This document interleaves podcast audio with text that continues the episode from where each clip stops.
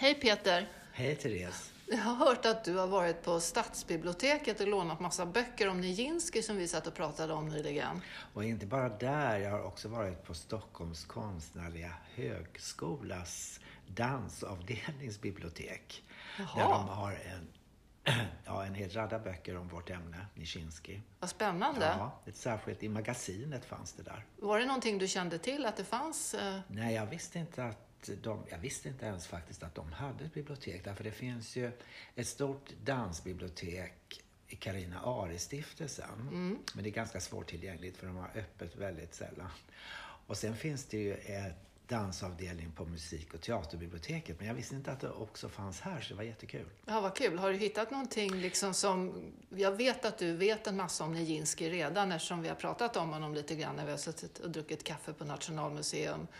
Men eh, har du hittat någonting som du känner, oj jösses, det här var någonting extra? Ja, jag fick nämligen tag på Nischinskis dotters bok. Hans yngsta dotter som heter Tamara. Ja. Hon skrev en bok om mamman Romola och pappan Vaslav Nijinsky och deras relation. Och den tycker jag ska bli... Jag har inte läst den än, men... Men känner du till hur gammal kan Tamara ha varit när hon Hon skrev föddes boken? 1920 Ja, och när tror du boken hon är skrev skriven? den här på 70-talet tror jag, slutet på Ja, för jag 70-talet. tänker när du säger att hon har skrivit om sina föräldrars relation, Ja. liksom, Hon skrev att det kan vara både- svårt att veta hur relation... Eller klart, hon har ju upplevt det utifrån hennes... Ja, jag tror... Alltså, ja, men, nej, men hon beskriver bådas liv. För hon, vad hon ville var egentligen, skriver hon i förordet, hon ville rentvå mamman som har blivit så enormt baktalad. Jaha. Och att hon skulle ha förstört Nijinsky och så vidare. Ja, Så det var mycket därför Ja. hon ville skriva boken. Samtidigt som hon är ju själv kritisk mot Romola. För Romola kunde aldrig visa någon kärlek till sina barn, säger hon, skriver hon i boken. Ja, när du säger förstörde Nijinsky, jag kommer ihåg att du berättade lite grann om att han... Hans, slutet på hans liv inte var något vidare. Men vi kanske ska börja lite från början. Var Mm. kommer han ifrån? Ja, han föddes ju i Kiev faktiskt. Mm. Och det var ju då, tillhörde ju då ryska imperiet. Mm. Och hans föräldrar var När från... föddes han? Ja, det var i slutet på 1889 tror jag det var han föddes. Mm. Hans föräldrar var polacker. Men Polen var ju då också under ryska väldet. Mm. Och eh, de, hans föräldrar var dansare båda två. Och pappan var en väldigt känd dansare. Balettdansare alltså? Ja. Och, Och som han- uppträdde på kända teatrar och Ja, sådär? han turnerade mycket. Det gjorde hon också. Det var så de träffades på Ja. i någon balettkompani. Och eh, de turnerade runt om i framförallt då Östeuropa förstås. Ja. Och var Men Nijinsky pa- med då som en liten parvel? Ja, barnen, de hade tre barn, så tre barn de var ju med då Ja. och fick vara med på turnéerna. Mm. Och eh, pappan framträdde sedan även i Sverige faktiskt, både Stockholm och Helsingborg. Oj. med det kompaniet han var med. Sen han överger familjen när hans älskarinna blir med barn. Och då hade hon tre barn att ta hand om. Alltså, var du menar du mamman, Nijinskys mamma? Nijinsky's mamma Ja. Eleonora. Och då flyttar hon till Sankt Petersburg för hon har polska vänner där. Mm. Och då kommer Nijinsky in, när han är nio år så kommer han in på Kejserliga Balettskolan Mhm. i Sankt Petersburg. Och det Mm. var ju ett internat, men först blir han dagelev. Mm. Men sen får han komma in i internatskolan. Det är ju väldigt bra för han får ju mat och Ja, husrum. så- så- och det var ju bra för mamman för de hade ju inte Nej, det jag pengar. tänkte liksom att det kanske var dyrt att, att gå kom- där. Det tror jag inte Nej, men att han sen, något. om han sen var särskilt begåvad, att han fick... jag tror som sagt, gå på internatet. Jag tror inte det kostar någonting. Ja, okej. Oftast var det barn till tjänarna som fick gå där och Vilka föräldralösa tjänare? barn. Alltså, tj- tjänare till vem då? Tsaren. Jaha. Och eh, från början var det ju ofta barn till ryska trälar.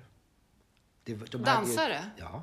De hade ju jag kommer inte ihåg när de avskaffade Träderiet. Nej, träldomen, men det var vanligt. Ja. Så det var, eller föräldralösa barn helt enkelt. Aha. Och fick de gå i ganska sträng hierarkisk skola. Låter som eh, kastrater, hur de hade Ja, det. nästan. Ja. Ja. Fast kastrater var de inte. Vi kommer ju till, lika bra att ta upp det med en gång. Det fanns ju väldigt utbrett med, jag vill inte kalla det prostitution, men ändå. Jo, det var ju en form av att det fanns ju då rika män Mm. som var intresserade av att ha relationer. Antingen med de kvinnliga dansarna eller med de manliga. Ja. Och då gick det till så att då var de tvungna att anlita en förmedlare. Som då...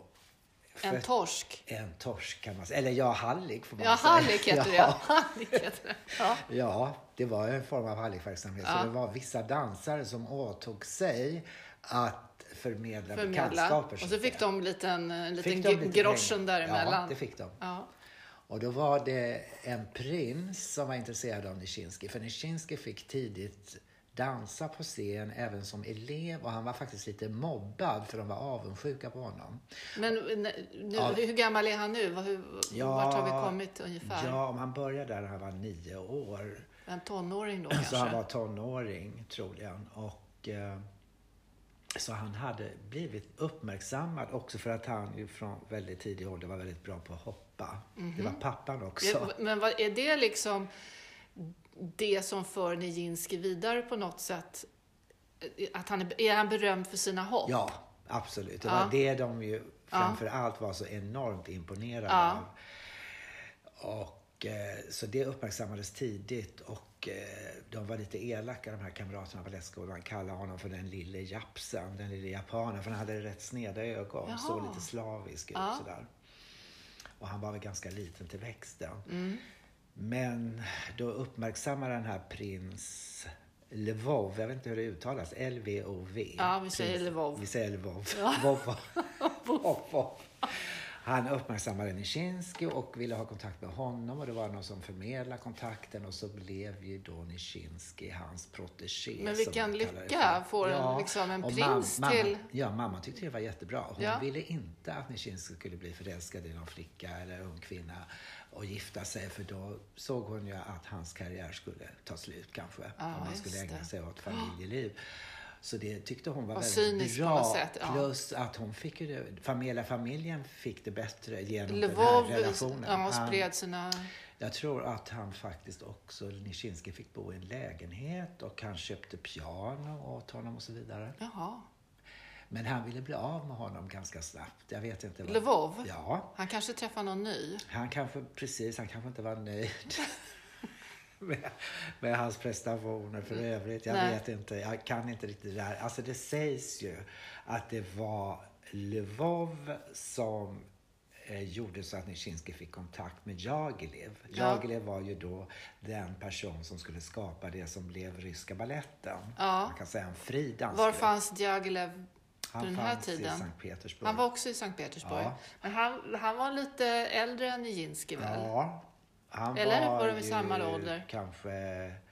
Ja, han var ju nog...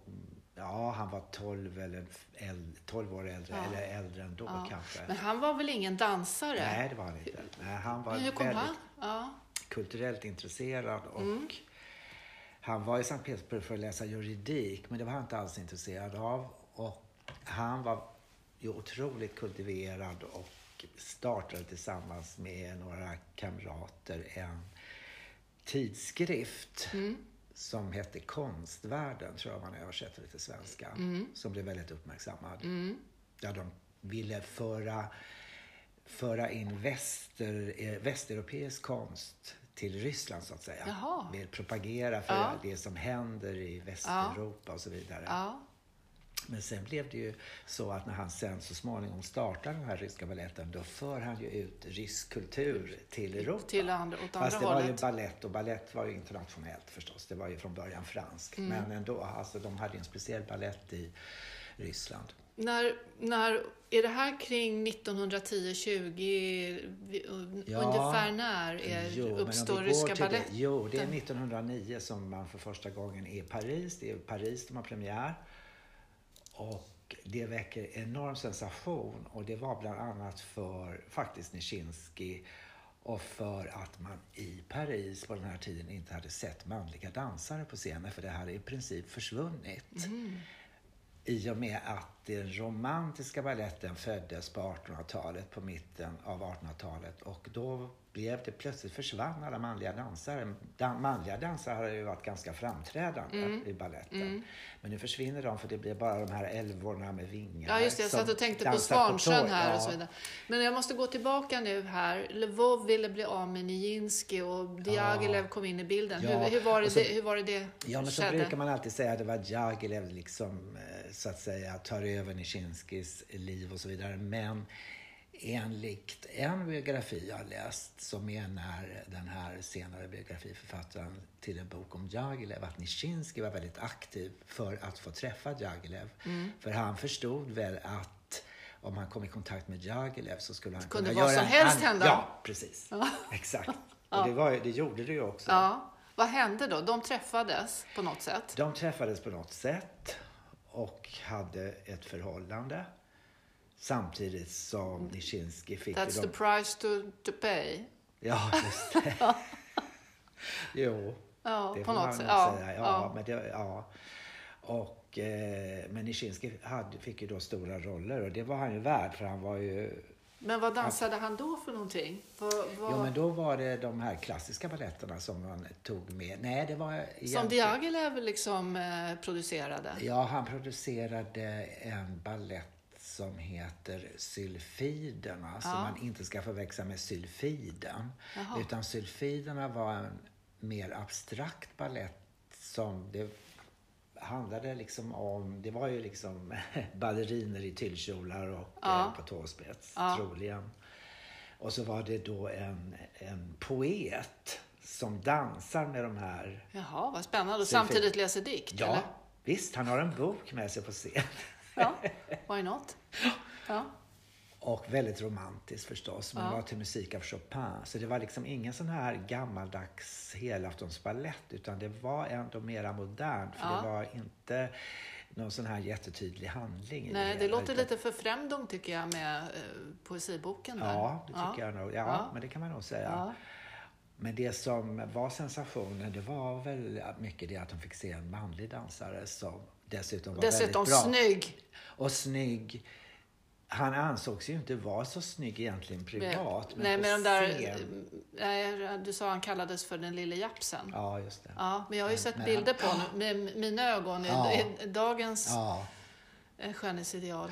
Ja. jo, men han hade ju en enorm Han hade utstrålning, va? Just exakt, det var ju det. Så att... Så de Paris- började lite modern dans, men eh, de hade Ja, inte det var- kommit loss alltså riktigt det var, ännu. Det var ballett, men den var ändå lite modernare än det här andra. En, en Svansjön Ja, och sånt. Svansjön. Det var, Ja. det, var, det var ju rätt roligt för den här koreografen, Fåken, som var en stor koreograf då. Han hade ju blivit inspirerad av Isadora Duncan. Mhm. För hon hade turnerat och varit i Ryssland. Mm. Och han hade sett henne och hon hade en väldigt böjlig rygg. Mhm. Och på den tiden hade inte ballerinorna det för de dansade i korsetter. Mm. De skulle väl vara spikraka Ja, tvärtom. precis. Ja. som regel, tror jag. Så han eh, förändrade ju också balletten genom att han tog in den här större rörligheten i balletten. Men fanns, fanns han eh, också i Paris? Nej, inte då. Utan han jobbade på Kejserliga teatern då. Alltså var han ryss också? Ja, Jaha, okej. Mm. och den hette väl Mariinski-teatern Ja. då, tror jag. Den har ju haft många namn. Finns men- inte den fortfarande? Jo, jag tror att den har tagit tillbaka det namnet. Ja. Den hette ju, har hetat olika, den hette, jag tror den hette Kirov under eh, Sovjettiden. Ja. Mm. Ja, nåväl. Vi Ja. Mm. är i Paris, ryska balletten. Alltså, bildar Diaghilev ett kompani kan man säga då, som han kallar för Ryska balletten. Precis. Tillsammans Ballet med. Mm. några andra kändisar, eller hur? Ja, från början så tog man väl med... Nu tänker jag på konstnärer och sådär också. Ja, det kommer senare. några med år. Men det är Picasso. inte, ja, det, det, sen så blir det ju mer och mer eh, modernt och revolutionerande och nytt. För då, efter ett par år kan man väl säga, då anlitar eh, Jaglev till exempel Picasso och det anlitas ju Debussy som kompositör, Stravinsky kommer med in i det hela. Mm. Så det blir allt mera, Allkonstverk. ja, all konstverk är ju det de gör. Mm. Det är verkligen det. Med dekor, musik, allt är väldigt Ja, annorlunda. integrerat med Ja, varandra. precis. Mm. Jag får fråga, så då, då, han träffade Diaghilev alltså i Ryssland, nu pratar jag om Nijinsky igen. Ja. Han träffade Diaghilev Ja, i Ryssland ja. och sen så blir de ett par Ja, och båda åker till Paris just det. Tillsammans. Det är inte det Och att... de bor i samma svit på hotellet. Det är också rätt uppseendeväckande. Fast det är ju inte alla som vet, Nej. vet det. Nej. Man säger ju att de levde öppet. Ja, Men det tror jag inte man kan säga att de gjorde med våra mått nej, mätt, liksom, nej. riktigt. Men det var väl inget de dolde heller. Egentligen, men Jagle var väl, alltså han var öppen skriver man alltid med sin homosexualitet. Men det beror ju på vad man menar med det. Kanske inte med vårt sätt att nej se. just det.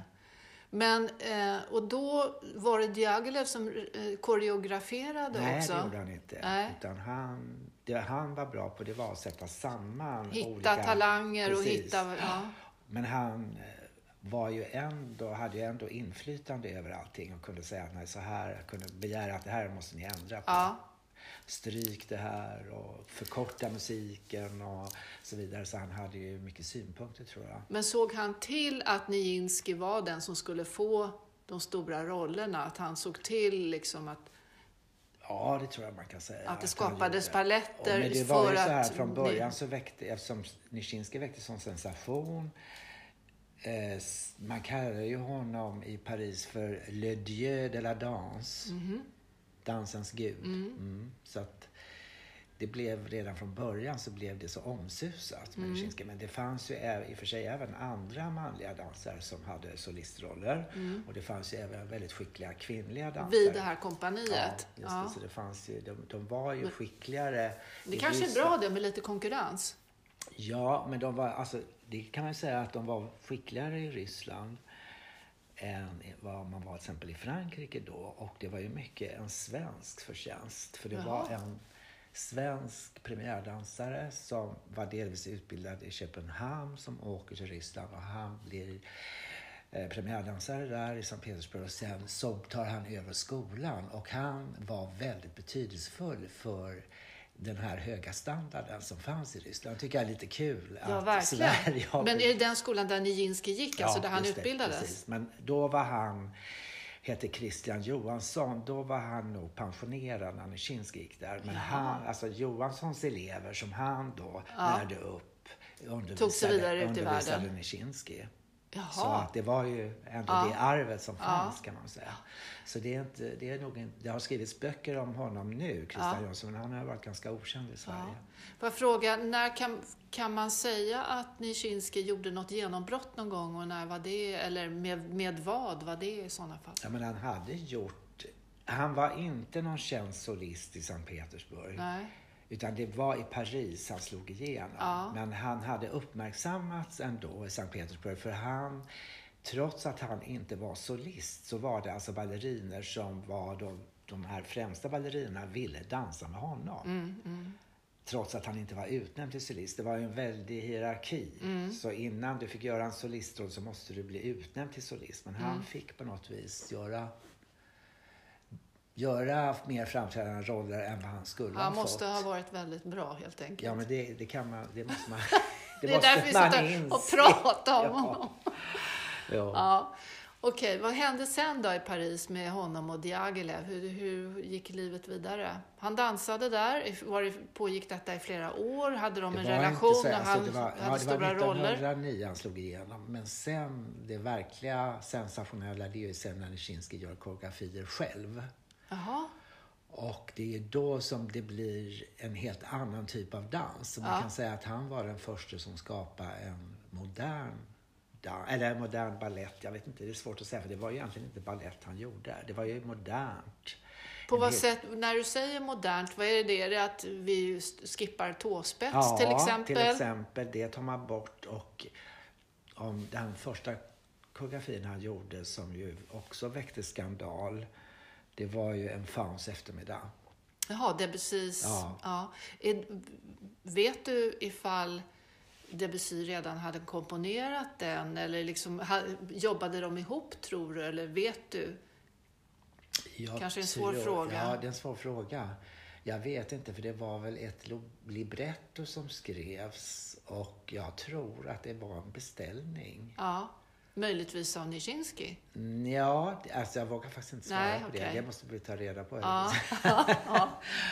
Och där så gör Nijinsky allting egentligen mot balletten. För allting var till exempel i profil. För han var inspirerad av grekiska vasmålningar. Alltså gjorde ser- Nijinsky i profil? Ja, den? allt görs nästan i profil, hela den Mot koreografin. tidigare? Jag, liksom eh, dansade man ut mot publiken Ja, absolut. tidigare? absolut. Ja. Allt i balletten är ju väldigt utåtriktat och rundat och det är, Ja. Allt går i som en cirkel. Här var allting liksom sidledes Vad var det du sa? kantigt. Egyptiska ja, vaser? egyptiska och grekiska. Vaser? Jag tror att Eller det var grekiskt Ja, vasmåleri. Du vet hur de Ja, står på de här. Ja. Där ser man dem i profil. Ja. så allt gjordes i profil. Och dansarna tyckte det var Han jättehemskt. kanske tyckte att han var snygg i profil. Han kanske hade liksom en hög... Ja, men jag tror, alltså han ville göra något nytt. Ja. Alltså. Och det Nej, jag ska inte skoja Det bort var det. ju Jagilev som uppmuntrade naturligtvis Ja. också till det. Att Ja. han ville ju skapa någonting nytt. Och dansarna var inte alls glada för det här. De tyckte det var jättetråkigt och hemskt. Det Ja. var ju inte alls det de var utbildade Nej. för. Eh, Det berättas att det en av dansöserna hon sprang ut och grät. Och Jaha. lämnade rep- och det- Jag vill inte vara i profil. Nej. jag har ingen snygg profil. Ja, så det var... Det var tufft Det- det var jag, det för att alla inblandade. Ja. ja, det var tufft för alla Ja. inblandade. Men han själv dansade ju, eller hur? Ja. I balletten. Det var det inte är det han att som han... är faunen. Det är han som är faunen. Ja. Och den berömda scenen då? Ja, den slutar ju med en orgasm får man väl säga. Ja. Och det... Blev, blev det några reaktioner på det? Ja, minst sagt. Folk gick ju ut från teatern. Gjorde de? Ja, de tyckte det var förfärligt. Ja. fruktansvärt. Och han, han ligger ju på scenen och mot en, jag tror det är mot en av de här nymfernas sjal. Sjal, som han det. trycker sitt underliv. Ja, mot. Ja. Och eh, får väl utlösning till och med, tror Ja. jag att det ska föreställa. Så det var ju, vi får ju tänka att det här var 1911 eller något sånt. Eller 12. ja. Så det var... Men, eh, men jag tror att många såg också att det var, här var någonting helt annorlunda och Mm. väldigt speciellt. Men så, ha- hade den framgång då? Även om folk blev chockade och gick ut Ja, från salongen, jo. fick Nej, den, mottogs den den, fick- väl ändå? Ja, jo, men det tror jag man kan säga att den Ja, fick. och Den- musiken och Den sådär. väckte väldigt uppseende. Hade Debussy slagit igenom vad du vet? Ja, det tror jag han hade, men han tyckte inte alls om den här koreografin. Nej. Nej, han var inte, tyckte Ja, inte den alls övertog ju naturligtvis musiken. Ja. Nej, han var inte förtjust. Kamouflerade musiken. Men Jaglev tyckte väl det var underbart med all den här. Han sa, Jaglev var, var ju väldigt bra på marknadsföring. Mm. Så att han tyckte det var underbart med lite skandaler. Mm. Vet du vilken teater de höll till på i Ja, Paris? det var som regel, jag kan inte svära på om det här var på Théâtre des Champs-Élysées, men det var oftast där de var. Ja. Vad hände sen då? Så att han gjorde den här eh, uppsättningen, en fauns eftermiddag, och därpå följde flera andra uppsättningar. Ja, Nijinsky gjorde fyra koreografier. Ja. Så efter en fauns eftermiddag så Ja. gjorde han en som heter Je, Je, Jag? tennis, Je. Alltså spelet, Ja. leken? Ja. Vad var det för något? Tennis byggde det på. Han, fick han, hade aldrig han hade aldrig sett tennis i hela sitt liv. Och så var de i England hos någon Ja. hertiginna eller Ja. liknande. Och i hennes trädgård var det någon som spelade tennis. Anyone for tennis? Ja. Ja, och då, då sa, och jag tror det var Bax eller Benoit, scenografen, som var med som sa När han fick se, de spelade tennis i trädgården där med några träd i bakgrunden, så sa han quel décor. Mm. Och det sa Nischinski också, quel décor. Så Ja. det var den här tennismatchen och den inramningen till den som inspirerade honom. Men han var också, det handlar om, det är tre personer, en man och två kvinnor som spelar tennis. Mm. Men Nischinski skriver sen i sin berömda dagbok som kommer ut ocensurerad 1999 Mhm. att det var Jaglivs dröm med en trekant. Jaha. Så det var tydligen... Så han tisade honom lite där. Ja, Play my balls. ja. Ja. Och eh, den, jag vet inte vilken framgång den Hade den? Ja, just jag det. vet inte Vet du vem som hade alltså, skrivit det var musiken? Lika speciellt, Ja, det eh, låter jättespeciellt ja, bara det, liksom det. tennis. Men vet du vem som hade skrivit musiken till den? Nej, Nej, får vi, det får vi får ta vi reda googla? på. Får vi googla?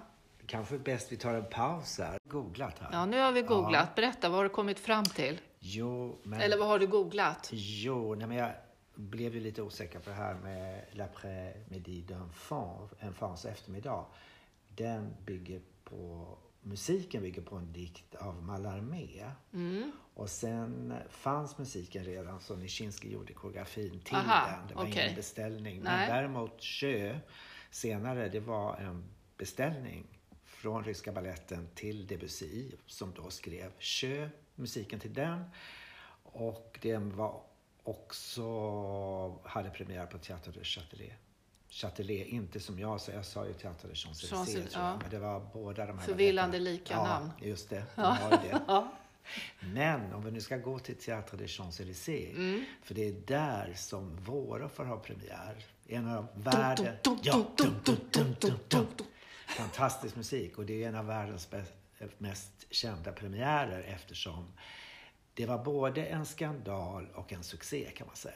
Kan halva... du förklara det lite närmare? Jo, men alltså halva publiken protesterade och skrek bu och halva applåderade. Mm -hmm.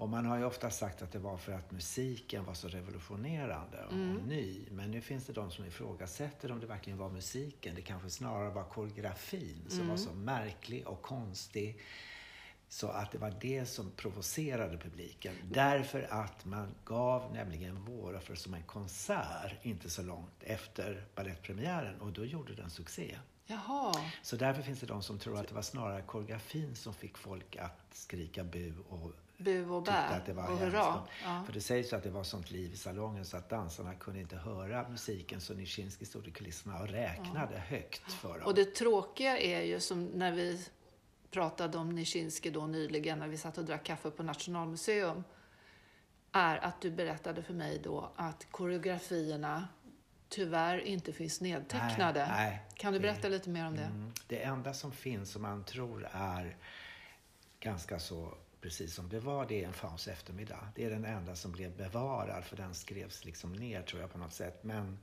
Våroffer, nej, den faktiskt försvann och glömdes helt bort. Och det berodde på att man gav ju bara den, ja det var i alla fall inte ens tio gånger, nio gånger var det tror jag som man eh, Spelade? spelade den. Sen försvann den helt och hållet från repertoaren för Nischinski försvann ju från ryska balletten. Han fick helt enkelt sparken. Varför då?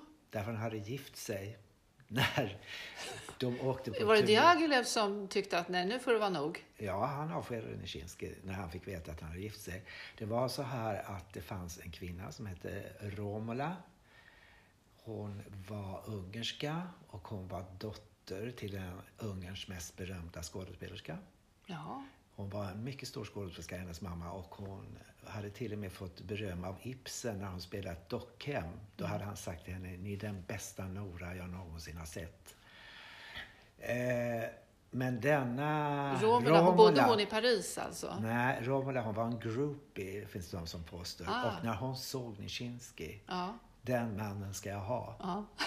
Och då gör hon så, så här att hon nästlar in sig i ryska balletten och hon får dansa trots att hon var inte dansare var inte egentligen. Nej. Det är hon skickligt. Får, ja, det är skickligt. Så hon lyckas på något vis få någon sån här lite mer statistroll eller sådär som Ja. tränar med balletten.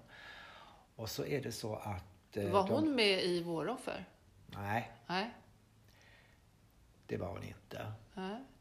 Ja, fortsätt. Jag vet. Nej, det var nog något senare hon Ja. kom in. Mm. Och sen så är det så att de ska åka på turné till Sydamerika.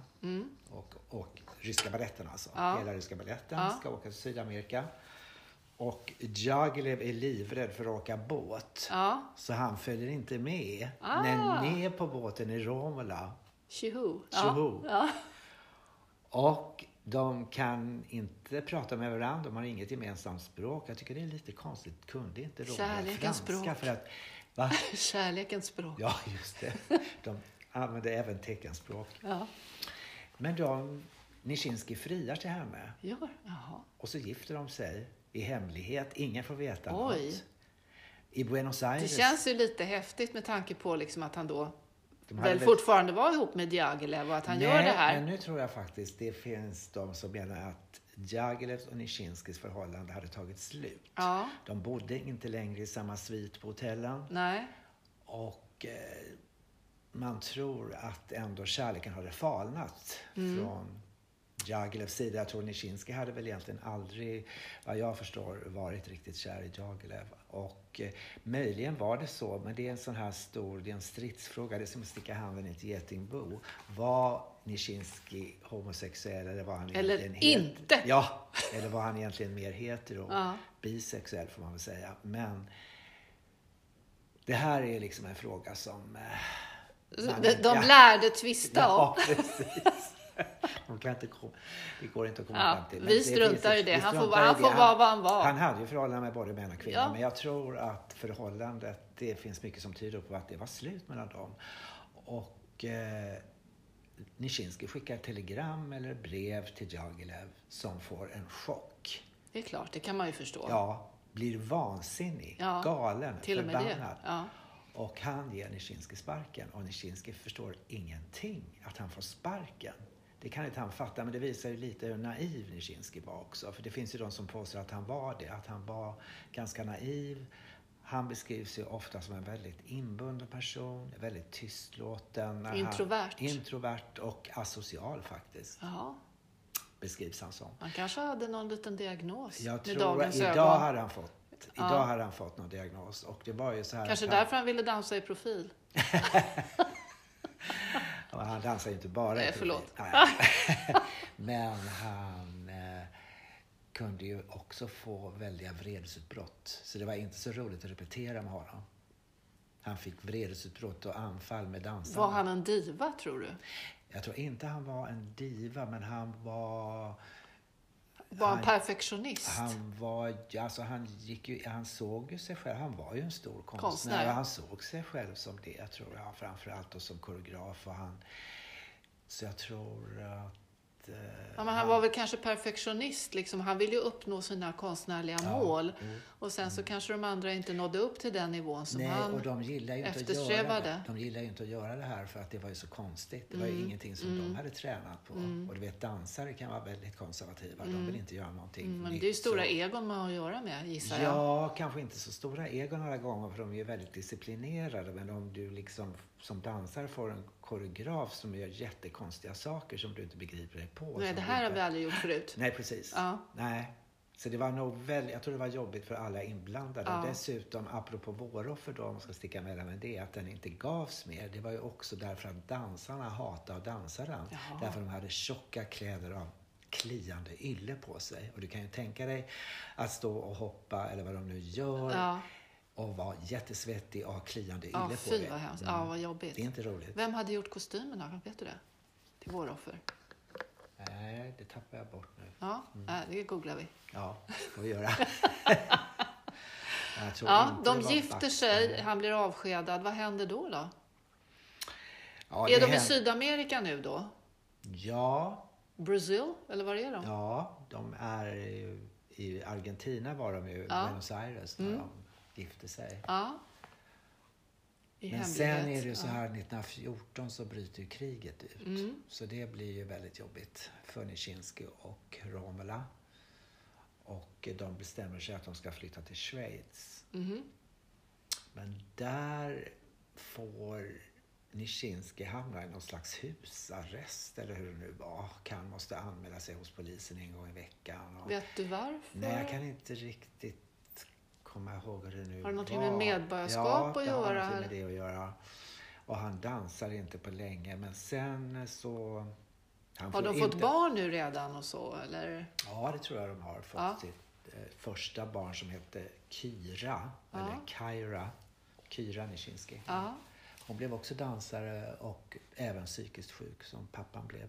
Nischinski blev ju psykiskt sjuk. Men det hade inte brutit ut riktigt än. Eh, Men det kommer att göra det och eh, det blir eh, väldigt svårt för Romola att ta hand om honom för han kunde bli våldsam. Alltså han slog henne? Nej, jag tror inte han slog henne. Han, men han, kanske kastade saker? Och, Just det, Ja. han tog ju strypgrepp på deras barnsköterska så hon Jaha. stack till skogs och kom aldrig igen. Så att det var ju sådana saker. Och han åkte släde någonstans där de bodde i Schweiz mot all trafik till Ja, exempel. Och så gick han, han fick nämligen religiösa grubblerier för han hade kommit i kontakt med, du vet, anhängare till Tolstoj. Ja. Och Tolstoj hade ju någon religiös inriktning. Man skulle äta vegetariskt och man skulle leva i celibat. Och det Mm. var det han ville göra då, en period. Så att han skulle, de skulle inte ha sex och inte äta kött. Så sådana idéer hade han. Och sen... eh. Men dansade han? Nej, han dansade inte då. Nej, inte då. Då dansar Nej. han inte. Men han kommer att göra comeback. Jaglev tar honom till nåder igen och han får göra en koreografi och det blir hans sista koreografi. Den heter Till Eulenspiegel och det var väldigt annorlunda mot också det mot han tidigare gjort. Han var ju en ständig förnyare men det blev väldigt mycket krångel. De var i USA och eh, Nischinski får då av Metropolitans chef ansvaret för att ta hand om ryska balletten när de turnerar i USA. Det klarar inte Nischinski för han var absolut inte någon praktisk person Mm, på nej, det sättet. nej, Så det blir inte alls bra. nej. Var Diaghilev med då? Nej, då var inte Jaglev med. Nej, han åkte ju inte båt. Nej, jag vet, tror inte han var i USA. Men det var i alla fall Metropolitans chef som såg till att det var Nischinski som skulle ta hand om den här turnén. Ja. Det gick inte. Nej. Det blev bara pannkaka av alltihop. Ja. Så allt bara rasade. Och eh, han, 1919, det är då han insjuknar. Och eh, Vad senare då? har- Är han i Amerika då eller är han i Nej, Schweiz eller var är är han? de i Schweiz. Eller Frankrike? Paris kanske? Jag tror de är i Schweiz då när han blev sjuk. De flyttar ju en del och jag kan inte exakt redogöra Och då har de tre barn dessutom? Två barn Två de. barn. Mm. Mm. 1920, nej inte än. Nej. Det var 1920 föds ju Tamara då. Ja. Mm. Och eh, Han blir psykiskt sjuk, Ja. säger du? Ja. psykiskt genombrott kan Vad man händer, säga. ja, vad händer då, då? Blir han inlagd eller?